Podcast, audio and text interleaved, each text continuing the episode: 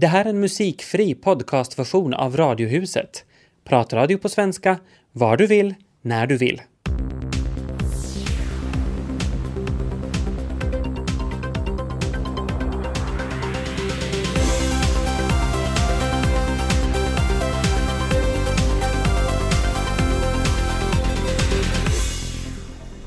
Snart kan stressade danskar handla middagsmaten med sina mobiltelefoner medan de väntar på metron. Låter inte det bra? Mm. Och hur värnar man om den finlandssvenska folkkulturen och hur gör man det så att det inte låter just så där trist? Det hör vi strax. I Radiohuset onsdag med Ami Lassila. Och Tobias Larsson, välkomna med. Välkommen Sanna-Sofia Vuori. Tack. Dramainstruktör på Brage. För dem som inte vet, vad är Brage? Brage är en finlandssvensk folkkulturförening heter det väl sådär på riktigt men för de som tycker att folkkultur låter lite tradigt så kan jag säga att det nog också finns mera sån här nys, mer nyskapande kultur på Brage. Så en kulturförening skulle jag kanske säga. Mm. Folkdans och spelmanslag är kanske det som väldigt många tänker på. Men hur, ja. hur viktig del är det av verksamheten? Ja, visst är det en viktig del av verksamheten. att Brage innefattar sju stycken sektioner varav de här ju är en viktig del. Så visst finns det där de som dansar folkdans och de som spelar spelmanslag och sånt här. Så det är en viktig del av det. Men nu så har vi också på, på danslaget så finns det mycket unga och barn och nu den här nya dramasektionen så har nästan bara unga och barn. Mm. Dramasektionen det, det är din grej. Kan du berätta lite ja. mer om vad det går ut på? Ja, den går ut på den det här Dramaten, Brage Dramaten hette den som grundades, vänta nu, när var det? 1907, det här Oj. lärde jag mig. Ja. ja. Men då var du inte med? Nej, då var jag inte med. Tror jag. Och det här, sen efter det så har den varit så här av och till. Och ibland jätteaktiv och emellan inte alls och sen nu på 20 år ungefär så har den inte funnits alls. Tills jag då främst har dragit igång den igen 2010. Och Mimers källa heter den nu för tiden.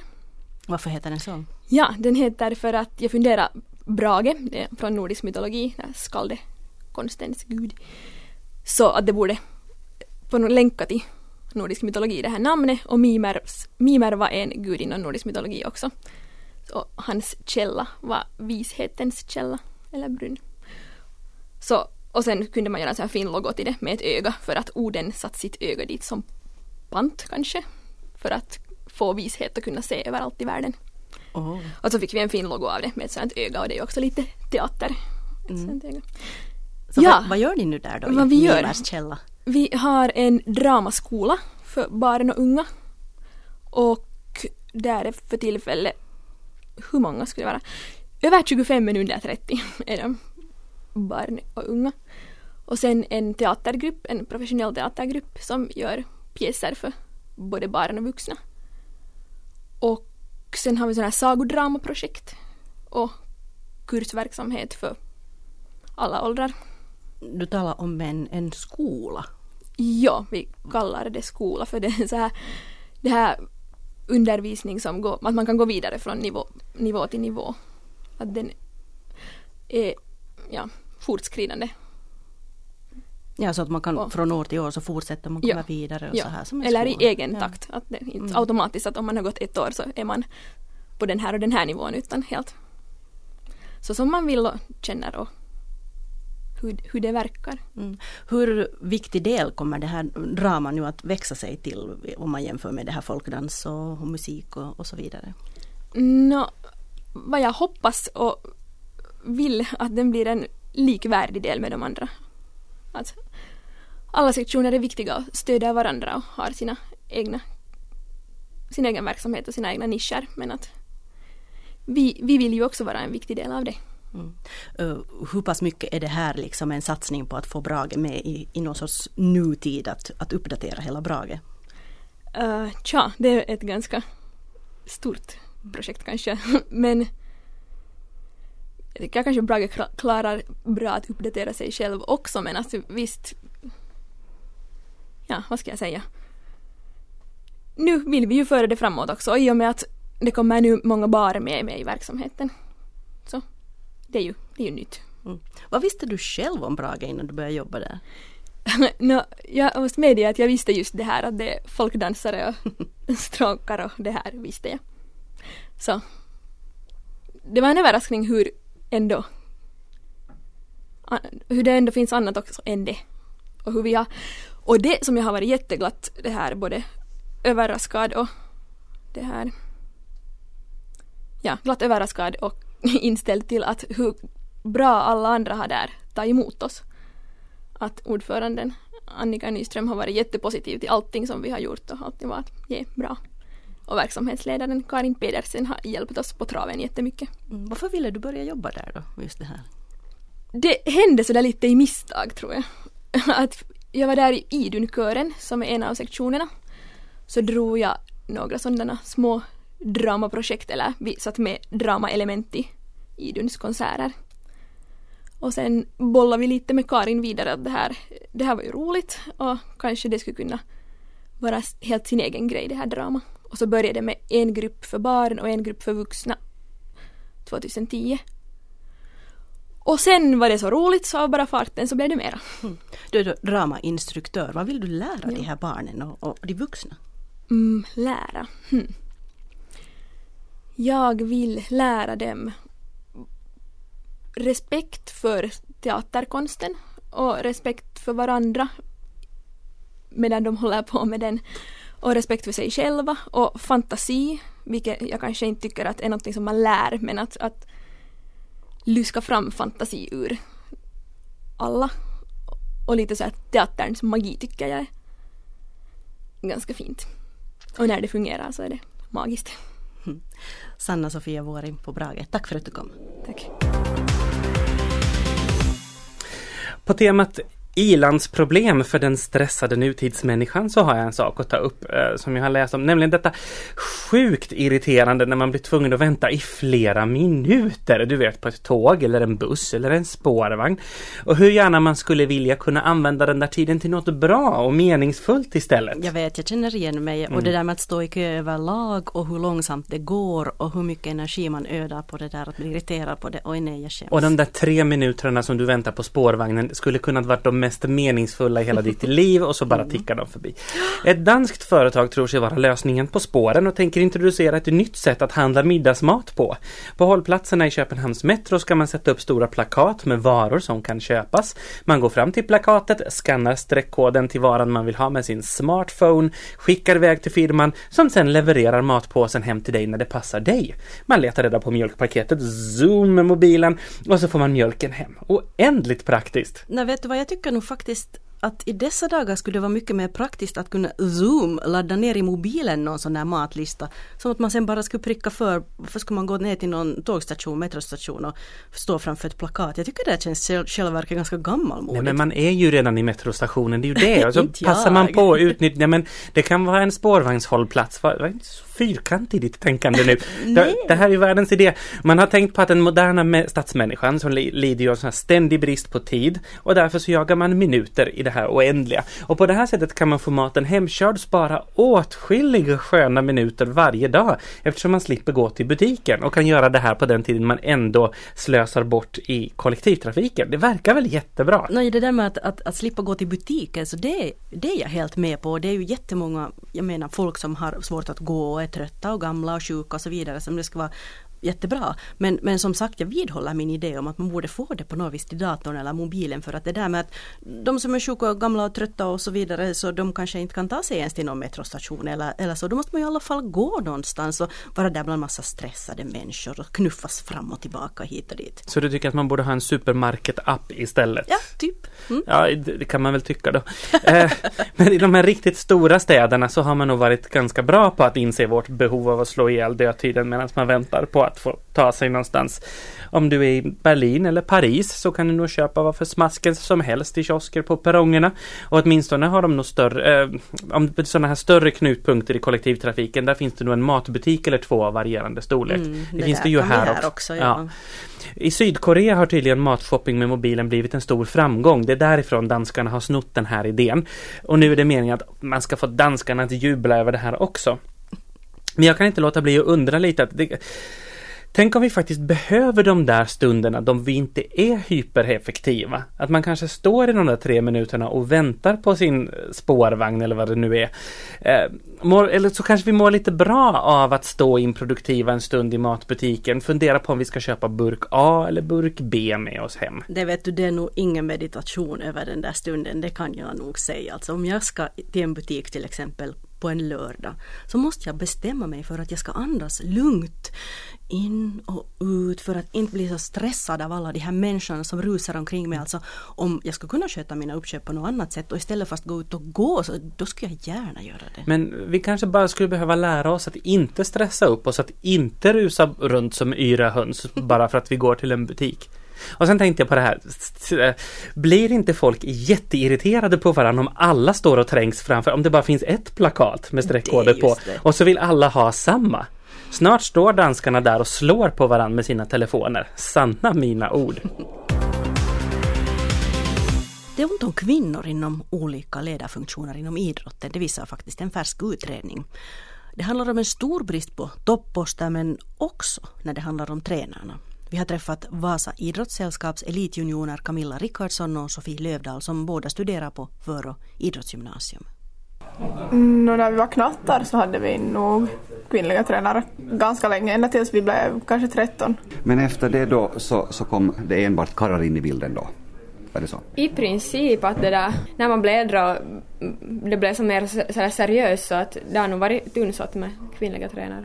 Vad kan det bero på tror du? Ja, jag vet inte riktigt. Det är nog svårt att säga. Tror du Camilla att det finns någon skillnad mellan eh, manliga och kvinnliga tränare? Mm, inte egentligen. Då tror jag en kvinnlig tränare skulle vara precis lika bra som en manlig tränare nu. Det tror jag absolut också. Men det, det är svårt att säga att varför det är så här att det är få kvinnliga tränare liksom när man kommer högre upp i åldrarna.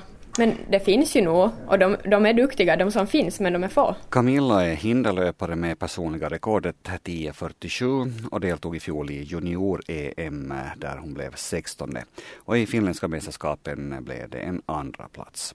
Sofie är medeldistansare med personliga rekordet 4.35 på 1500 meter. Största framgången hittills är nog det att hon slog finländskt eh, rekord på 1500 meter hinder i 17-årsklassen i fjol med tiden 4.55.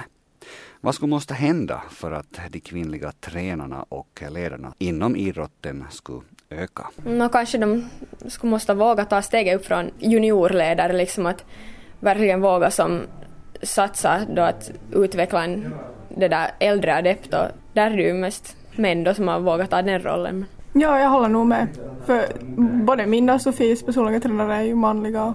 Tydligen är det någonting där då som gör att, att de kvinnliga så att säga, tränaraspiranterna de, de går inte hela vägen fram, eller? Nej, det verkar nog kanske vara lite så att de, de hålls bara där vid den där knattenivån och vid den där kanske lite lägre nivån om de har sysslat med idrott när de är unga och så, men sen kommer det här liksom att bilda familj och allt det här.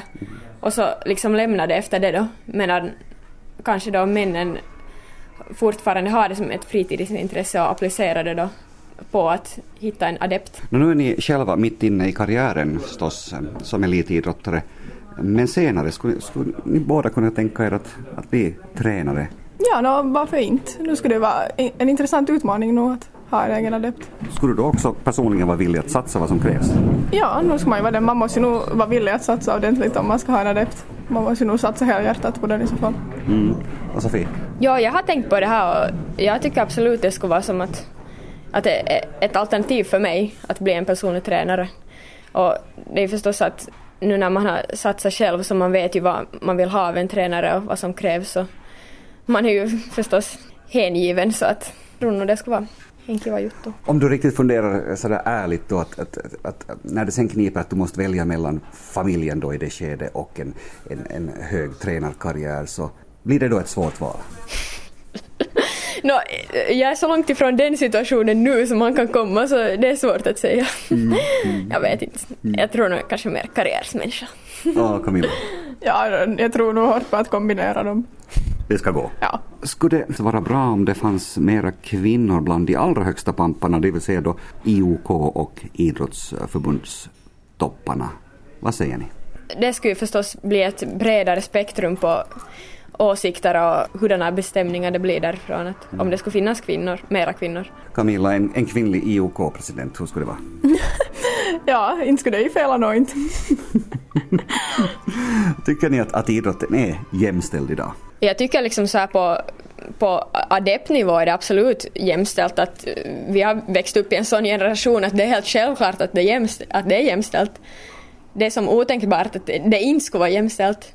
Men däremot då, om man då betraktar liksom hur många eh, styrelseledamöter som är eh, män och kvinnor och kvoteringen där så då, där ser man ju förstås skillnader men det är inget som man märker så på den, den här nivån som är. Inger Nabbe är ordförande för tävlingsutskottet inom Vasa idrottssällskap och tidigare tränare för Mikaela Ingberg.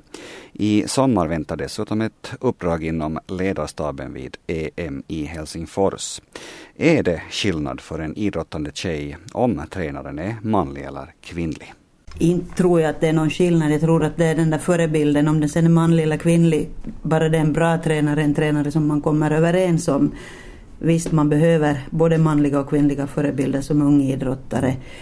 Men eh, det tror jag att man hittar, det är inte det, är inte viktigaste, vilket kön tränaren har. Utan. Mm. Men om man tänker sig som så att en, en kvinnlig tränare skulle förstå tjejerna bättre eller djupare? Det kan säkert hända att det finns en, en större förståelse. Ibland kanske den här förståelsen inte ens nödvändigtvis är, är så bra. Det kan hända att en, en tuff manlig, manliga tränare uppfattas kanske lite hårdare.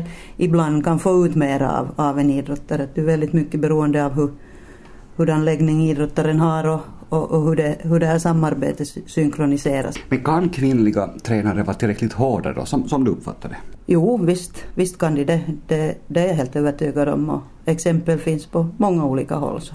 Mm, tänker du på någon speciell? Nej, inte tänker jag nu direkt på någon men att, men att vi har många duktiga kvinnliga tränare som har lett sina lag och sina idrottare långt och det tror jag inte de skulle göra om de skulle vara alltför mjuka.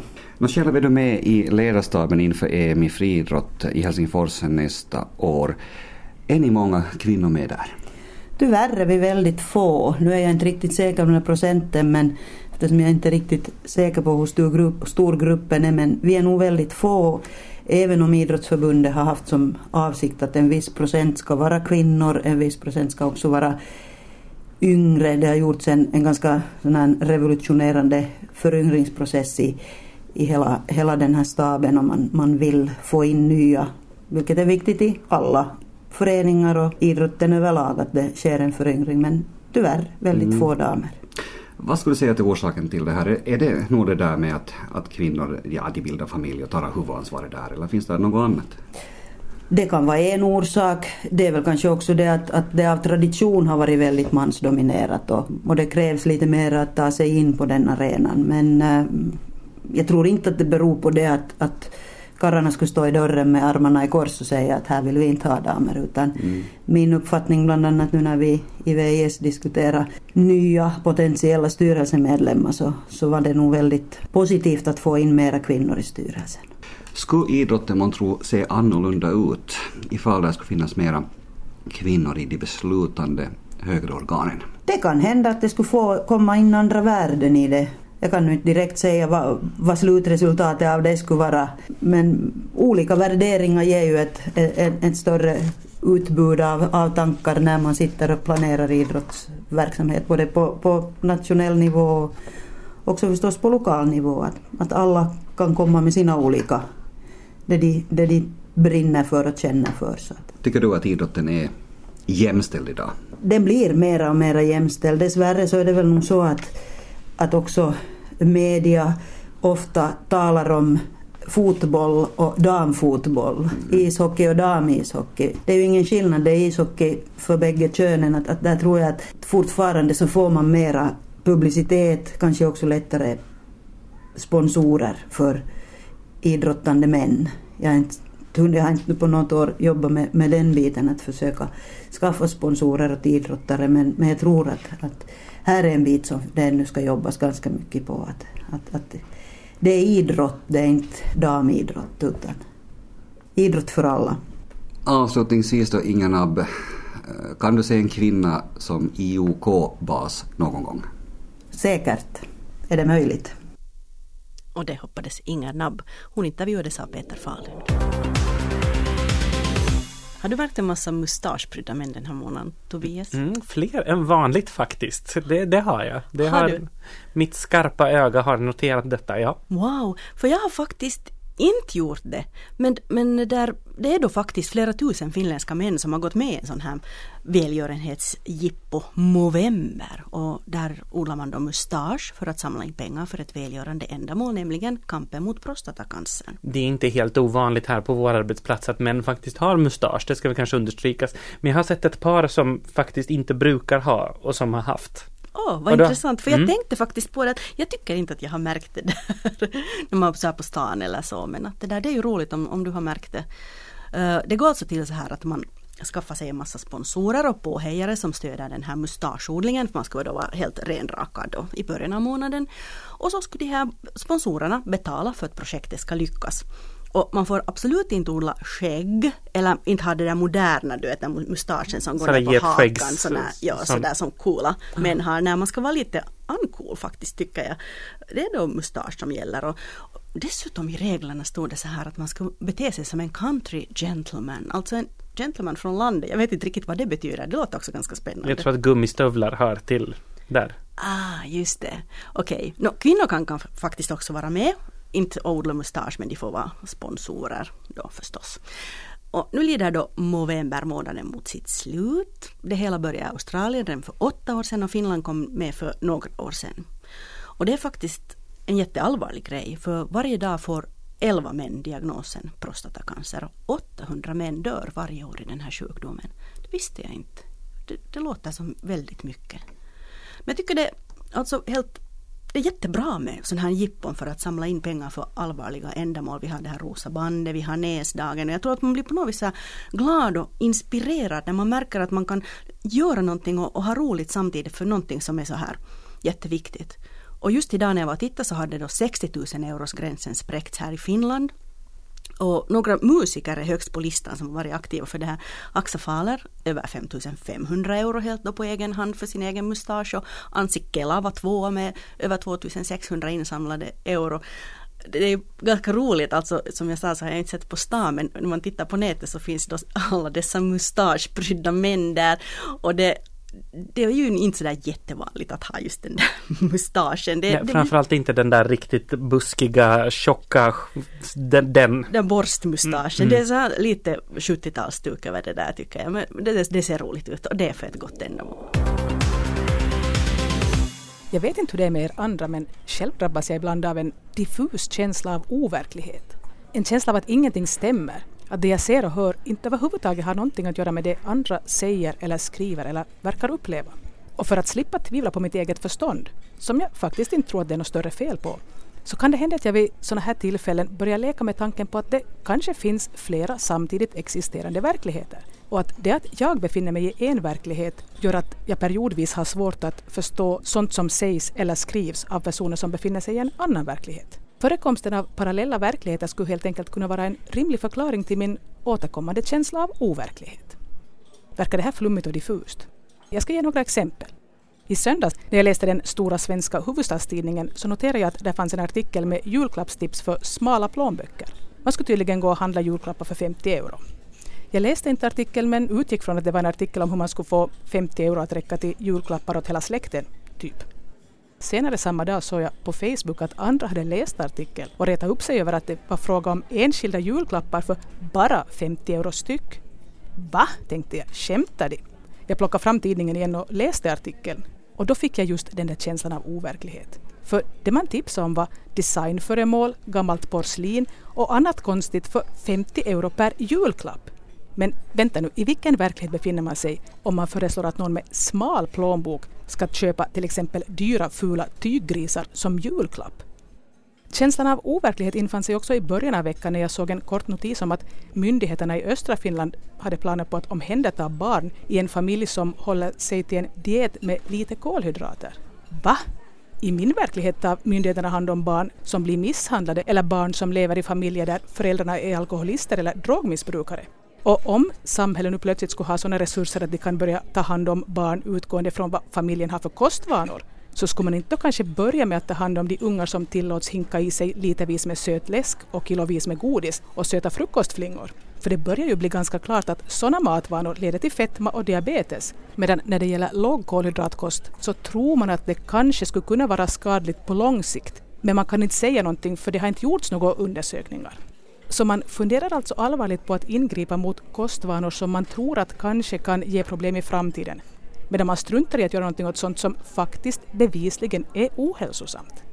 Nu vet jag ju faktiskt ingenting mer än det som stod i den lilla notisen om det möjliga omhändertagandet. Så kanske det var fråga om en familj där ungarna fick stryk regelbundet och där båda föräldrarna söp, förutom att de inte åt i enlighet med de officiella kostråden. Men nu verkar det ju ändå som om de här barntillsyningsmyndigheterna skulle befinna sig i en alldeles absurd parallell verklighet. Och sen klimatfrågan som inte längre verkar intressera någon, vilket också känns helt overkligt. För det är ju inte så att problemen ska ha försvunnit, snarare tvärtom. Vårt klot fortsätter att värmas upp. Så till vilken verklighet är det tänkt att vi ska försöka fly sen när vattnet börjar stiga upp över knäna på oss? Själv bor jag ganska nära vattentornet som är den högsta byggnaden i Nykarleby.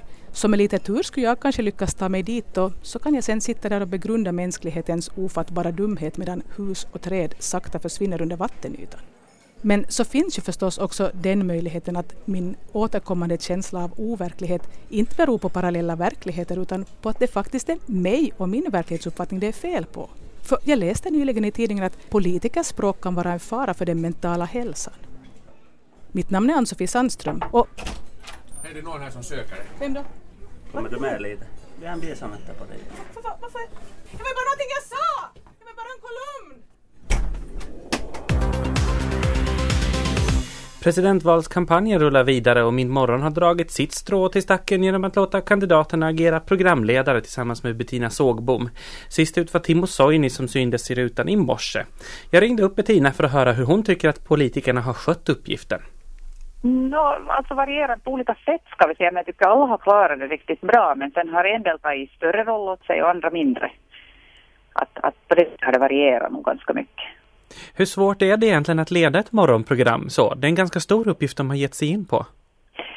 Ja, men att, att de har ju nog vetat alltid att, att de är ju inte ensamma där utan de vet ju nog att jag till exempel har hållit ordning på sånt här som att okej, när kommer det nyheter och, och sånt här. Det, det vet de ju att de inte behöver lita fullständigt på sig själva i den frågan. Och, och det där, men att nu har jag, jag har ju frågat dem alla hur det har varit och flera av dem har sagt att det är förvånansvärt svårt att göra intervjuer om du jämför när de är vana med att mest liksom vara på den andra sidan och svara på frågor. Hur mycket har de fått förbereda själva frågor och sånt? Helt och hållet om de har velat göra det. Alltså jag, har, jag har skickat bakgrund på varje gäst och varför den är med i programmet. Men jag har inte gett förslag till frågor annat än åt mig själv. Och sen har jag liksom gett, sagt att, att det här får ni själv göra som ni vill. Och, och det som jag nog märker direkt är att vem som har läst på och vem som inte har gjort det. Att, att det, det var nog lustigt, vem som liksom har läst den där bakgrundsfaktan ordentligt och vem som inte har gjort det. Hur märkte du det? Uh, man märker det på hur du ställer frågorna. Alltså det, det, är helt tydligt så att det är en skillnad. Att, att uh, någon som inte har läst och det står liksom där i den där texten precis att den och den uh, jobbar med det och det. Och om inte du vet det så, så kan det hända att du går så att säga och frågar den här frågan på ett sånt sätt att du förstår att okej, okay, du har inte läst det här nu. Hurdan intervjuteknik tyckte du att de hade, presidentkandidaterna? Oj, vet du, jätte, jättevarierande där också. En del, en del eh, babblar på själv jättemycket och andra klarar mycket bättre, skulle jag säga, den där svåra uppgiften som du vet att ju kortare och klarare frågor man ställer desto bättre. Vem har överraskat dig mest av kandidaterna? Jag måste nog säga alltså med risk för att ta på käften så att liksom Dimo Soini idag som ändå hade betydligt nog sådär utgångsläge med svenska språket är ju alltså kunskapen sämre än till än många andras. Så det där, det att han ställde väldigt ändå korta och klara frågor så det var, det var positivt tyckte jag och sen så det där han tog nog gärna i också ändå fast han inte på något sätt ändå flytande på svenska så ändå så här tog i och styrde och ställde och det, det var lite roligt kanske. Vad tycker du att hela det här experimentet har gett tittarna? Ja, det får väl jag skulle väl titta tittarna måste svara på, men att det där, för jag har ju inte själv suttit liksom i den ändan och bara tittat på det, men jag skulle nog säga att av var och en kandidat så har sådana sidor av deras, ska vi säga, personlighet kommit fram som inte alltid kommer i sådana, när de har den här politikerhatten på då när de eh, blir intervjuade eller deltar i en valpanel eller något sånt. Så i den här rollen så avslöjar man nog mer om sig själv också liksom helt ofrivilligt skulle jag säga. Att hur man reagerar, för man måste ju reagera snabbt också när någon svarar någonting. Och du måste snabbt komma med eh, följande fråga eller en reaktion på det. Så jag tycker att de här reaktionerna nog ofta avslöjar ganska mycket. Hur mycket bättre känner vi de här kandidaterna nu? det borde man också fråga. Jag vet att jag känner dem bättre än vad jag kände tidigare. Vissa mycket bättre än, än förut. Men att det är, det är svårt att säga, det beror på hur mycket folk tycker att de har känt dem tidigare. Fast nu låter jag själv som en politiker. Jag tror att om man skulle ha sett, sett från början till slut vart och ett program så tror jag nog att man känner dem bättre, betydligt bättre än förut. Igår pratade vi här i Radiohuset om att det är en ganska eh, lam eller lite avslagen presidentvalskampanj så här långt. Att den känns inte så där högintensiv på något sätt. Hur många fler eh, inslag av den här typen skulle vi behöva för att intressera oss mer för presidentvalskandidaterna?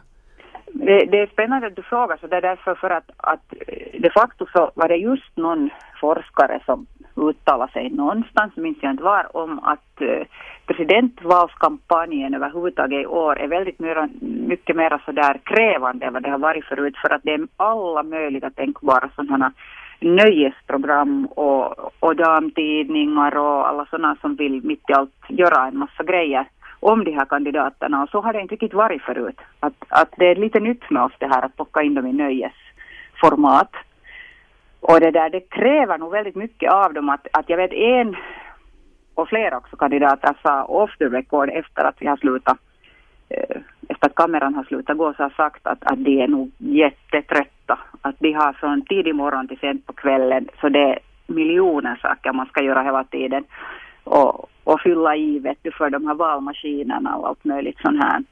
Jag vet inte om det är det som gör att det inte är lamt. Jag själv tycker jag ju om nog en sån här redig debatt där folk inte bara upprepar gamla klyschor utan där de på riktigt, vet du brittiska stilens den här, när de riktigt börjar argumentera. Att jag väntar att jag skulle få höra något sånt någonstans. Det sa Bettina Sågbom som varit programledare för Min morgon tillsammans med presidentvalskandidaterna. Man kan fortfarande se programmen på arenan.yle.fi.